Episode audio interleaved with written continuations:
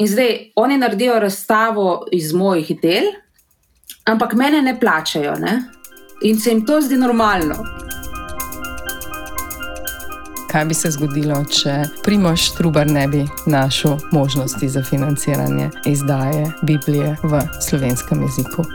Pohlep vodi uh, svet in umetnost je tle zato, da to pokaže in da ljudi nekako svesti, da se, da se vrnemo na pot temu, ne o človečenju. Ne? Mislim, ker gremo ne, poti razčlovečenja družbe. Ne?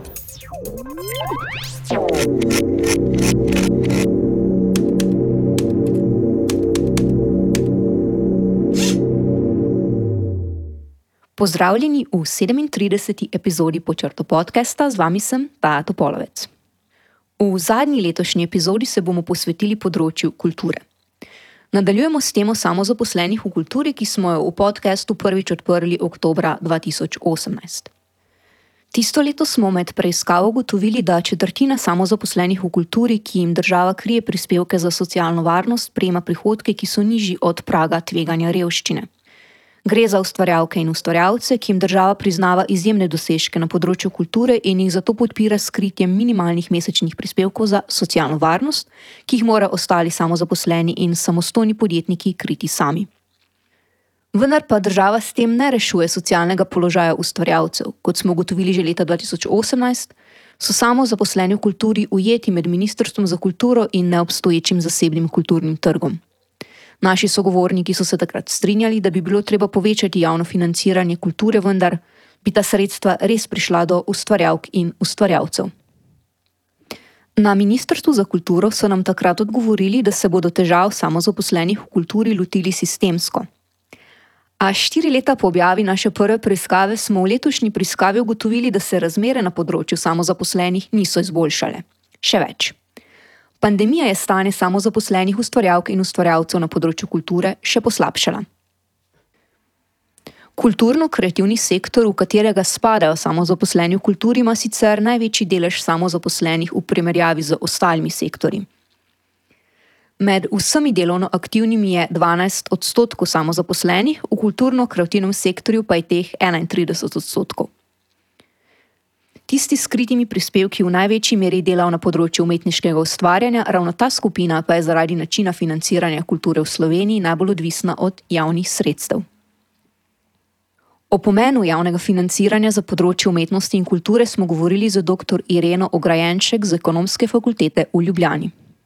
Vsi tisti, ki se sprašujejo, ali je smiselno, da država vlaga v kulturno produkcijo ali, ali ne vlaga, ne, bojo mogoče mečkam zelo presenečeni, ker ne bom odgovorila kot ortodoksen ekonomist. Tukaj bova, kot, kot sva že večkrat prišli takoj na vprašanje, kaj bi se zgodilo, če Primoš Trubar ne bi našel možnosti za financiranje izdaje Biblije v slovenskem jeziku, ki bi mi danes bili. Sixtinska kapela, če dam kot en primer, Mozartovo ustvarjanje, ki ga je Salzburški knezoškof omogočil, kasneje Habsburški cesari in, in tako dalje. Ne. Država oziroma državniki oziroma vplivni ljudje, ki sami niso ustvarjali, so vedno nekako držali roko na, nad tem področjem, prepoznavajoč, kako pomembno je to uh, za bom rekel, nek, nek duhovni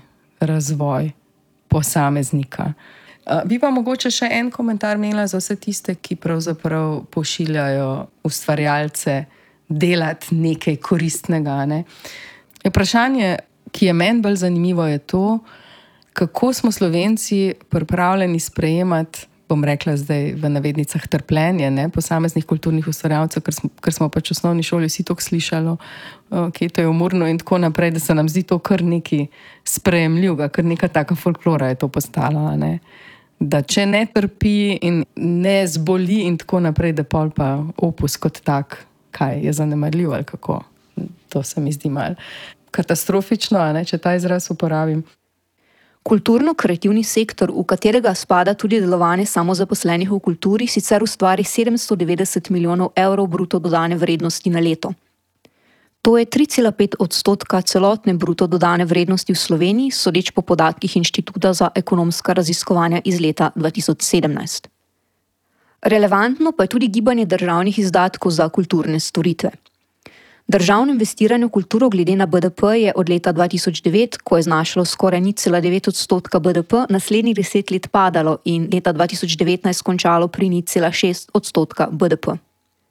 Leta 2020 se je spet pospelo na 0,7 odstotka, kar nas sicer uvršča nad evropsko povprečje, ki je 0,5 odstotka. Kako torej kljub temu pride do tega, da ustvarjalci v kulturi živijo pod pragom tveganja revščine? Poglejmo najprej področje vizualne umetnosti. Samo zaposleni v kulturi s pravico do kritja prispevkov, ki delujejo na področju vizualne umetnosti, so bili namreč v našem vzorcu med tistimi z najnižjimi prihodki.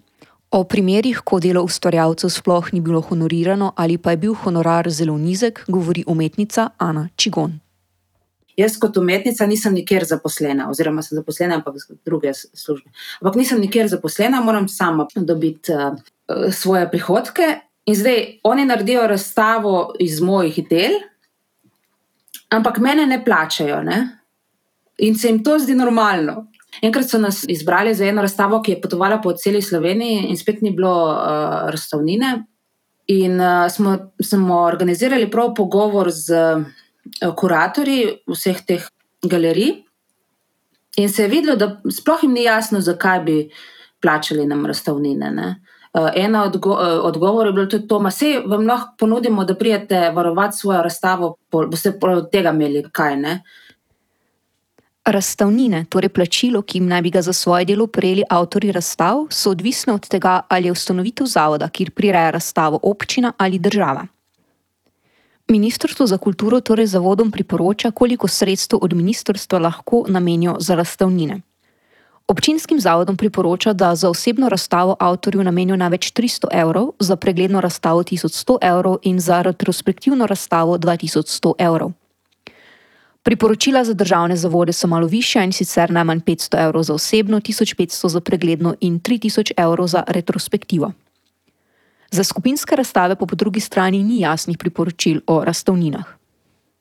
Govori umetnica Ana Čigon mislim, če se bi predstavljal te primere, koliko kol predlaga recimo ministrstvo. Moraš razmisliti, kol, koliko razstav bi v bistvu ti mogel imeti na leto, da bi dobil eh, povprečno plačo ne? ali pa minimalno. Bi jih mogel imeti ogromno, ampak niti jih ne moreš imeti. Ne?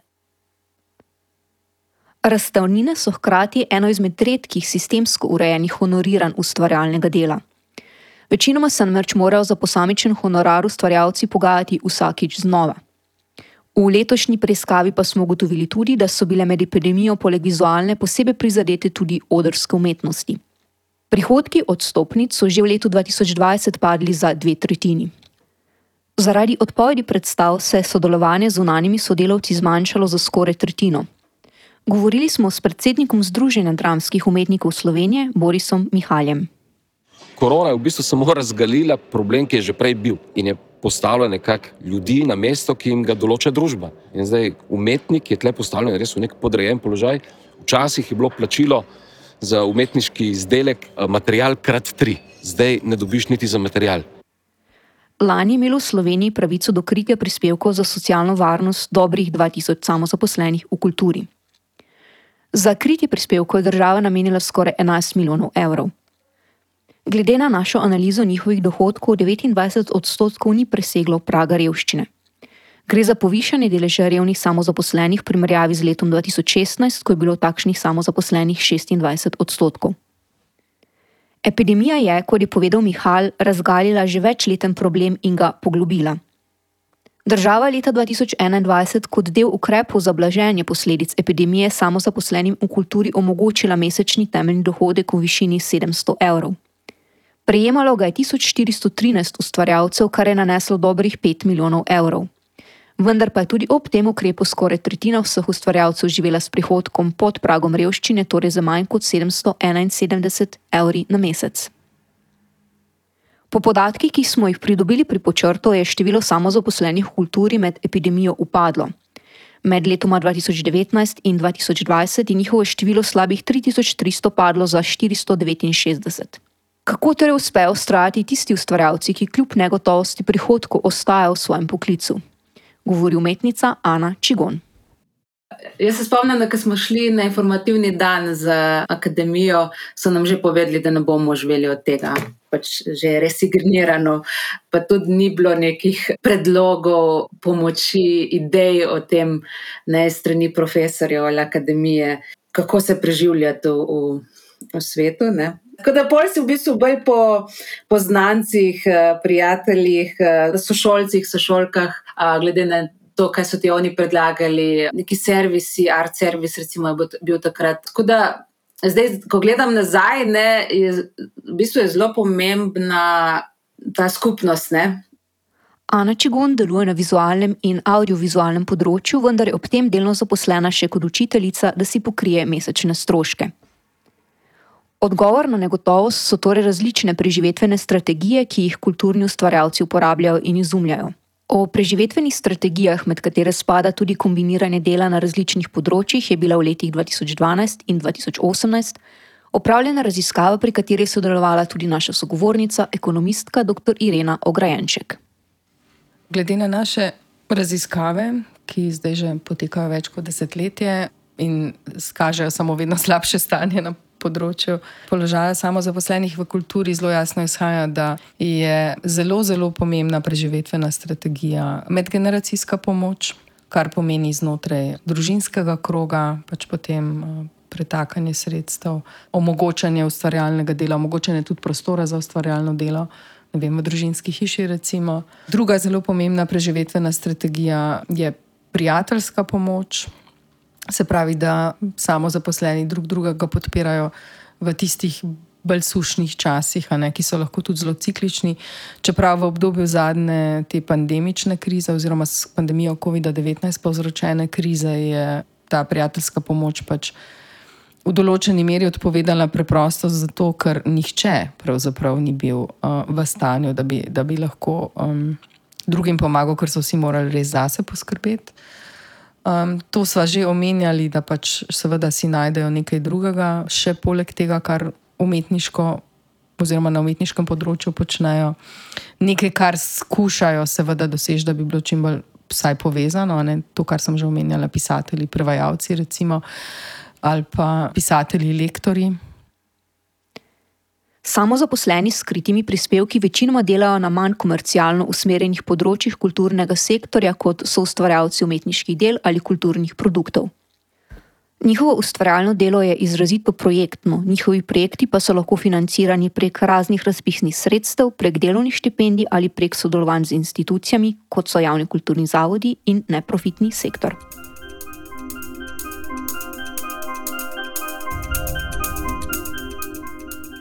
Med epidemijo so se razkrili sistemski problemi, ki jih sogovorci kot take tudi prepoznavajo, torej problemov ne vidijo samo kot stvar posameznikov ali posameznih institucij. Kulturnike pesti predvsem pomankanje honorarjev in podplačevanje za delo v javnih institucijah, od katerih so preživetveno odvisni. Ob tem je za ustvarjalke in ustvarjalce težava že sam status samozaposlenega v kulturi. Po eni strani jim plačani prispevki za socialno varnost pomenijo nepogrešljivo spodbudo pri ustvarjanju. Brez skritih prispevkov bi namreč njihovi mesečni stroški presegli njihove prihodke. Vendar pa imajo hkrati težave s šibko socialno varnostjo, pravico do bolniške in pokojnin ter višino cenzusa. Če namreč njihovo triletno povprečje dohodkov preseže 20 tisoč evrov bruto, izgubijo pravico do kritja prispevkov. Preseganje dohodkovnega cenzusa je velik strah samozaposlenih, saj izguba pravice do plačanih prispevkov pomeni okoli 5400 evrov dodatnih letnih stroškov, ne glede na dejanski znesek nad cenzusom. V imenu zagovorniške organizacije v kulturi Asociacija je z nami govorila Polona Torkar. Načeloma je status samozaposlenega v kulturi pač um, ena zelo bizarno urejena stvar. Historijat je relativno jasen, potem ko prehajamo iz, iz jugoslovanskega sistema v slovenskega. Ne, pač Se je treba odločiti, kako zdaj s to javno kulturo, pa kaj s temi svobodnimi ustvarjalci, in tako naprej. In nastane ta uh, institut samozaposlenega v kulturo, ki, ki pa pač uh, predstavlja eno minimalno varnost. Zdaj, A je ta minimalna varnost dovolj že dolgo časa v asociaciji, ugotavljamo, da absolutno ne. Status, ki naj bi ustvarjalcem zagotavljal določeno socialno varnost in jih nagrajeval za odličnost, postavlja visoke zahteve glede količine produkcije in referenc. Govori Ana Čigon. Predvsem se mi zdi preveč na kvant, podarka na kvantitativnosti kot kvalitativnosti. In sicer to razumem, ker je pač kvantitativnost lažje štet, um, ampak je pa pol več dela na naši strani, in učinka pa ni toliko. No. Se mi zdi, da je mal problem v tem, kaj je cilj tega ministrstva, uh, kaj, kaj je vizija, kaj s temi. Uh, s temi uredbami, kaj spodbuja pri nas. Pri nas, trenutno, se pravi, pri nas, kot umetnikih, umetnicah. Ne? In se mi zdi, da spodbuja uh, množičnost produkcije in, nažalost, izgorelost tudi med nami. O sistemskih razlogih za slab položaj delavk in delavcev v kulturi govori tudi dr. Katja Praznik, predavateljica in raziskovalka moja teza in argument je, da pač je ključni problem pri razumevanju umetniškega dela ta, da se ga ne razume kot obliko dela. Ampak da se to, kar počnejo umetniki in kulturni delavci, razumeva skozi neke uh, esencializirane ideje o tem delu. Se pravi, umetniško delo ni delo, zaradi tega, ker ne bi izbor te, tega dela bila posebna nadarjenost, talentiranost ali pa ljubezen do umetnosti.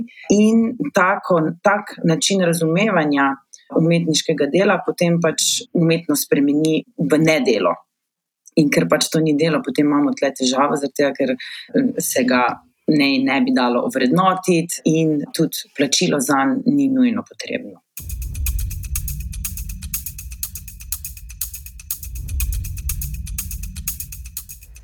Med glavnimi producenti kulturnih storitev in dejavnosti pri nas so javni kulturni zavodi. Ministrstvo za kulturo nameni dobrih 70 odstotkov svojega letnega proračuna javnim kulturnim zavodom, ti pa sodelujo samo zaposlenimi v kulturi kot zunanjimi izvajalci. Do ustvarjalcev pride le manjši delež sredstev. Po pridobljenih podatkih za muzeje in galerije so leta 2021 ti zavodi za plače zaposlenih porabili dobrih 30 milijonov evrov, za izplačila zunanih sodelavcev pa 3 milijone evrov. Zakon o uresničevanju javnega interesa za kulturo sicer določa, da mora biti zunani izvajalec plačan najmanj toliko kot zaposleni, ki upravlja primerljivo delo, a se v praksi to ne upošteva. Potencijalnih kršitev pri plačilu zunanih izvajalcev pa pristojni inšpektorat ne more kaznovati, saj nima pravne podlage za to. Govori Boris Mihal. Tle, jaz nimam kaj drugega dodati, kot to, da bi bilo potrebno to področje urediti. Se pravi, da bi vsaj, vsaj za javne zavode, ki, ki so financirani strani države, da se tam postavijo neke postavke, neke, nek sistem, tarifni sistem, po katerem bi se plačevalo delo določenim izvajalcem. Ne. In hkrati ne, je treba misliti na to, ne, da ne samo zaradi korone, ko odpadajo predstave, ker um, ljudje, ki delujejo v gledališču, so plačani po predstavi, s tem, da nimajo nobenega jamstva, koliko bo teh predstav. Ne. Mislim, ve se približno, ne, koliko časa boš ti vložil v neko. Eh, izgradnjo neke, neke vloge ali pa neke predstave, ne, se pravi, ne, dva meseca boš delal, ne, ampak kolikrat boš pa tisto ponovil in od tega dobi prejel plačilo potem za minulo delo, ne, eh, te, tega jamstva pa ni več. Ne. Zato sem predlagal, ne, da bi se ponovno uvedlo predpogodbe, v katerih bi bilo to definirano ne, in s katerimi bi bilo tudi zajamčeno plačilo vsaj 20 recimo ponovitev, tako kot je že bilo tle bi moralo, pač, eh, po mojem mnenju, Ministrstvo za kulturo te stvari uvesti in, in določiti minimalne in, po mojem mnenju, tudi maksimalne uh, višine honorarjev za vsako delo. Določene spremembe so po ocenah sogovorcev potrebne tudi pri samem statusu samozaposlenega v kulturi, posebej pri cenzusu. Govori Polona Torkar iz asociacije pri 21 tisočih evrih ne moremo govoriti spet o ne vem kakšni uh, presežne sorte. Pač o normalnem plačilu lahko recimo, da govorimo, ne, da se nekako ne penalizira tiste, kar so pa mogoče v danem trenutku v karieri meham bolj uspešni dohodkovno. Ampak da se v bistvu proporcionalno bi pač prispevke plačevalo. Pokojnine, ki si jih lahko obeta samo zaposleni v kulturi, ki je pač recimo ta določen čas v sistemu samostojnega ustvarjanja, sploh obetajo, so preniske. Tako da pač polje v tem smislu prepredeno z nekimi um, slabo domišljenimi koncepti in rešitvami, ki bi jih bilo treba proaktivno nasloviti. S progresivnim cenzusom bi se lahko lotili tudi minimalne višine pokojnin. Tako Torkar kot Mihajl pa sta predlagala, da bi status moral upoštevati karjerni razvoj posameznikov in biti prilagodljiv. V času nastajanja naše preiskave so se tiste ustvarjalke in ustvarjalci, ki jih sindikati na področju kulture še niso uspeli zajeti, pričeli povezovati med seboj. Jeseni so ustanovili sindikat za suk. Govori Katja Praznik, ena izmed sodelujočih pri nastanku za suka. Za SUK se pravi, smo uradno ustanovili 2. oktober, seveda pa je ta ustanovitev plod nekega daljšega procesa. Po eni strani smo se začeli povezovati, predvsem ekipa, ki je bila ekipa Cedre, ekipa Poligona in pač jaz sama, ki sem zaštartala to inicijativo Kulturna inšpekcija dela. In ko smo se začeli dobivati na sestankih, smo pač ugotovili, da je stanje v sektorju um, katastrofalno, zlasti nam je tle prišla prav raziskava, ki jo je Poligon izvajal zadnje tri leta, ki je podala tudi neke samo oceno in empirične podatke o ravni izkoriščanja in slabih delovnih pogojev. In na teh sestankih smo potem zelo hitro prišli do zaključka, da mogoče je pa zdaj res čas, da poskušamo ustanoviti sindikat. V sindikat se je včlanila tudi naša sogovornica Ana Čigon. Mislim, za, suk, za suk se mi zdi genijalen, sem tu članica in mislim, da je to prava pot za naprej. Mm, mislim, da je dobra tudi zaradi tega, da se mi malo pogovarjamo med sabo in da si povemo, da pač ene stvari niso normalne. No? Pač mi jih sprejemamo kot normalne, ampak to ni ok. Kot v svoji komunikaciji izpostavljajo sindikatu za suk, lahko kulturniki kot posamezniki v večini primerov zgolj zavrnejo slabo plačano delo in upajo, da jih to ne bo stalo preživetja. Kot kolektiv pa si lahko izpogajajo boljše pogoje za delo in plačilo za vse, ne samo zase.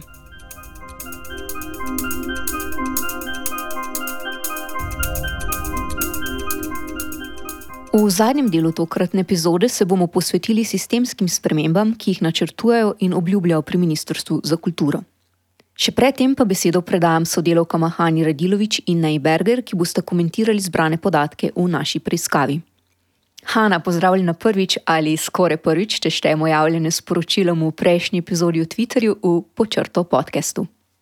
Lep pozdrav tokrat še z moje strani, sem Hanna Radilovič in se prvič javljam v podkastu pod črto. Z njo bova zdaj v tem segmentu šli čez uh, sistem njenega pridobivanja podatkov in njenimi izkušnjami z pomankanjem podatkov. Eh, z novo preiskavo si se ukvarjala tik po epidemiji, zato me zanima, kakšna pričakovanja si imela v zvezi s podatki in ali so se ta izkazala za upravičena. Hm, eh, zdravo, Hanna, v podkastu. Dobrodošla. Ja, torej, prvotna hipoteza je bila, da se je stanje med epidemijo iz očitnih razlogov izpada dohodkov zaradi vsega, kar je odpadlo seveda poslabšalo med samozaposlenimi v kulturi. Eh, nismo bili gotovi, če je mogoče ta denarna pomoč, ki so jo nekaj časa med obdobjem epidemije prejemali, to nekako izravnala, ampak uh, smo pa na koncu hipotezo tudi z analizo prihodkov potrdili. Zbiranje podatkov in njihova analiza sta pa potekala sočasno z nastopom nove vlade in s tem novega vodstva na Ministrstvu za kulturo. To vodstvo zdaj ugotavlja, da bo potrebno kar nekaj analiz, preden se lotijo dolgoročnih sprememb. Tudi raziskovalci, kot se je ugotavljalo v preiskavi, pogrešajo letna poročila v kulturnem sektorju. Tako da me zanima, eh, s katerimi podatki si ti imela največje težave, če si lahko sploh do vseh, ki si jih rabila, dostopala. In pa, ali si dobila mogoče kakšne podatke, ki jih kulturni sektor do zdaj pogreša? Uf, to imam pa veliko zapovedati. Do velikega števila informacij je bilo zelo težko dostopati. Zadnja poglobljena analiza ki bi jo ministrstvo naročilo in javno objavilo, je bila pred leti. Za vse aktualne podatke je bilo treba vedno znova težiti, MK-ju, kjer so me imeli tudi precej dost, že se mi je zdelo pol proti konci. Torej, vse, koliko vlog je bilo katero leto danih, koliko je bilo odobrenih, koliko je spoh samo zaposlenih s kritimi prispevki po področjih, koliko jih je bilo katero leto, koliko je bilo vloženega denarja v krite prispevke, koliko v denarno pomoč med korono, koliko ljudi je to pomoč dobivalo, eh, koliko jih prejema bolniško nadomestilo, recimo na let. In še in še in še. Tako da res za vsako stvar je bilo treba znova in znova poizvedovati nekje, eh, ker, ker ni bilo nikjer to zajeto, strnjeno, objavljeno. Potem, seveda, naslednja stvar, ki bi jo povedala. Eden pomembnejših delov naše preiskave je bila tudi analiza prihodkov samozaposlenih v kulturi s kritimi prispevki. Tukaj smo imeli srečo, da je FURS poslal zelo lepo bazo, ampak v redu, potem imamo mi zdaj za eno leto, torej za 2021, analizo prihodkov, na zadnje smo imeli za 2016 in vidimo, da zdaj jih je še več pod pragom revščine, ampak če hočemo zdaj kaj konkretnega ugotoviti o tem, kako je tudi korona to eskalirala ali pa ni, bi rabili tudi podatke za prejšnje leta. In tukaj pa spet smo prosili FURS, ampak oni so rekli, da so imeli sam za 2021, glih takrat to pripravljen, da so nam lahko poslali in za druga leta naj se obrnemo na MK, Ministrstvo za kulturo. Ministrstvo za kulturo je pa odgovorilo, da naj se obrnemo na FURS. Tako da to je druga stvar, ko bi omenila tretja stvar. Prišli je do ene zelo bizarne nejasnosti, kar se tiče rasti in upada števila samozaposlenih v kulturi. Vemo tudi, da je asociacija v preteklosti opozarjala, da so bile ravno v tem letu 2020 neke postopkovne nepravilnosti pri obravnavi vlog. In zato smo želeli pridobiti še podatke o tem, koliko vlog je pa sploh prišlo na ministrstvo, koliko jih je bilo od tega zavrnjenih, koliko jih je bilo odobrenih, kaj se je točno s tem dogajalo. In tukaj spet pol smo pridobili podatke, recimo o številu danih vlog, številu izpisanih iz razvida v tistem letu in številu zavrnjenih vlog, ki naj bi jih bilo samo 18.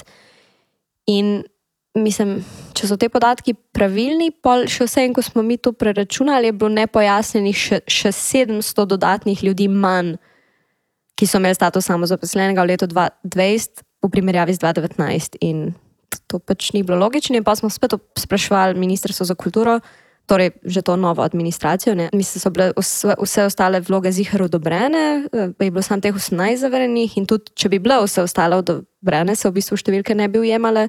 In smo dobili na koncu odgovor, da ne morejo podati točnega podatka, ker so podatki o vlogah nekako agregirano zabeleženi v smislu, da zajemajo samo podatke o vseh vlogah, tudi za mirovanje ali pa za prispevke, ne samo vlogah za status. Nekako, tako, tako da se bom na tej točki ustavila.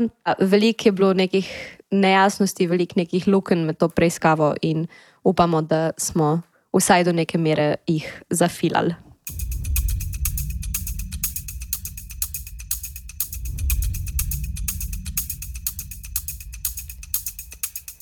Za konec se torej vrnimo k krovnemu akterju, Ministrstvu za kulturo, ki je pristojno tako za področje samozaposlenih v kulturi, kot tudi za razdeljevanje javnih sredstev za področje kulture. Kot že rečeno, so na ministrstvu že leta 2018 obljubili sistemske spremembe, vendar do teh do letos ni prišlo.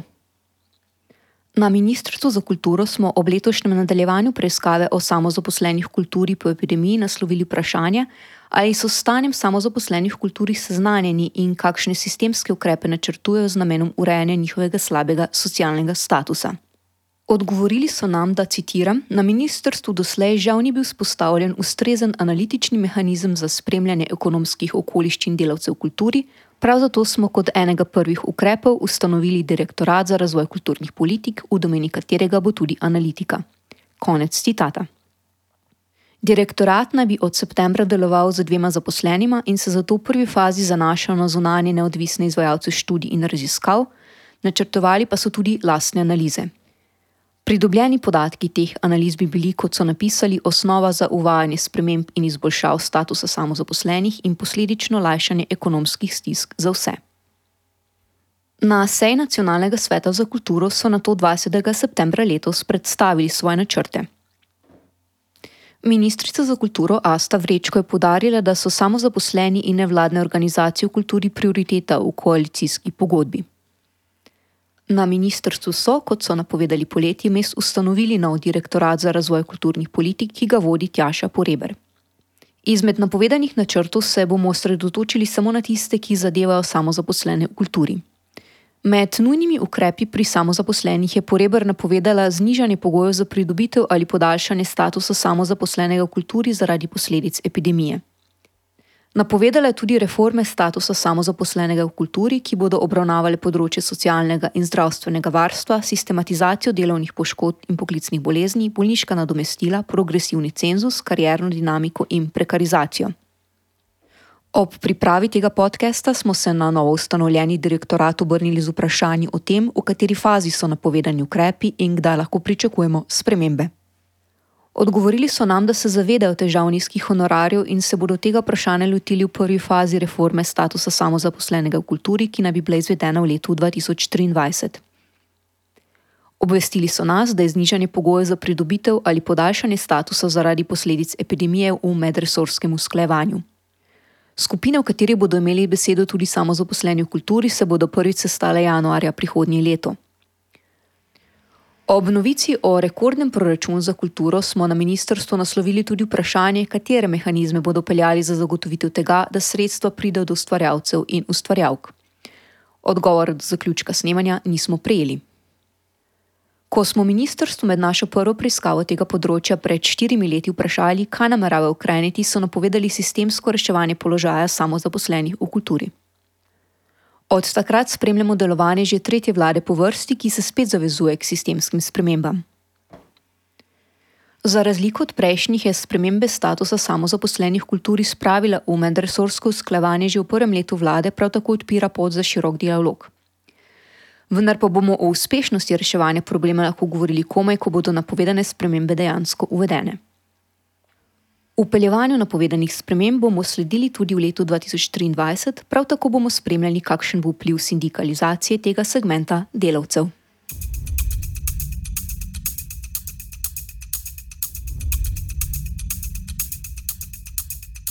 Poslušali ste 37. epizodo počrtov podcasta. Pri pripravi tega podcasta smo sodelovali. Nea Berger z intervjuji z gosti, komentarjem podatkov in montažo podcasta, Hanna Radilovič s pripravo scenarija, uredila sem ga Tato Polovec, Nina Hlebec s preverjanjem podatkov in jezikovnim pregledom za obdelavo zvoka poskrbel Staš Kramar, glasbo je prispeval Milan Fraz, vizualno podobo pa Metod Blejec. Voditeljica in izvršna producentka počrto podcasta sem Tato Polovec. Zahvaljujemo se vsem našim sogovornicam in sogovornikom, ki ste sodelovali v tej epizodi. Epizoda podcasta je nastala na podlagi naše preiskave o samozaposlenih v kulturi, ki smo objavili avgusta letos. Pri preiskavi smo sodelovali Neja Berger kot novinarka in avtorica besedila, Tato Polvec kot urednica in vodja preiskave, Nina Hlebec pri preverjanju podatkov, Metod Blejec pri oblikovanju infografik, Una Rebič pri ilustraciji in Ana Bogataj pri lekturi. Ta epizoda počrto podcasta je nastala s podporo Fundacije Civitatis in vas, poslušalk in poslušalcev ter donatorjev. Če želite podpreti naše delovanje v letu 2023, nas lahko z donacijo po svojih zmožnostih podprete na počrto.si pošiljnica podpri. Hvala.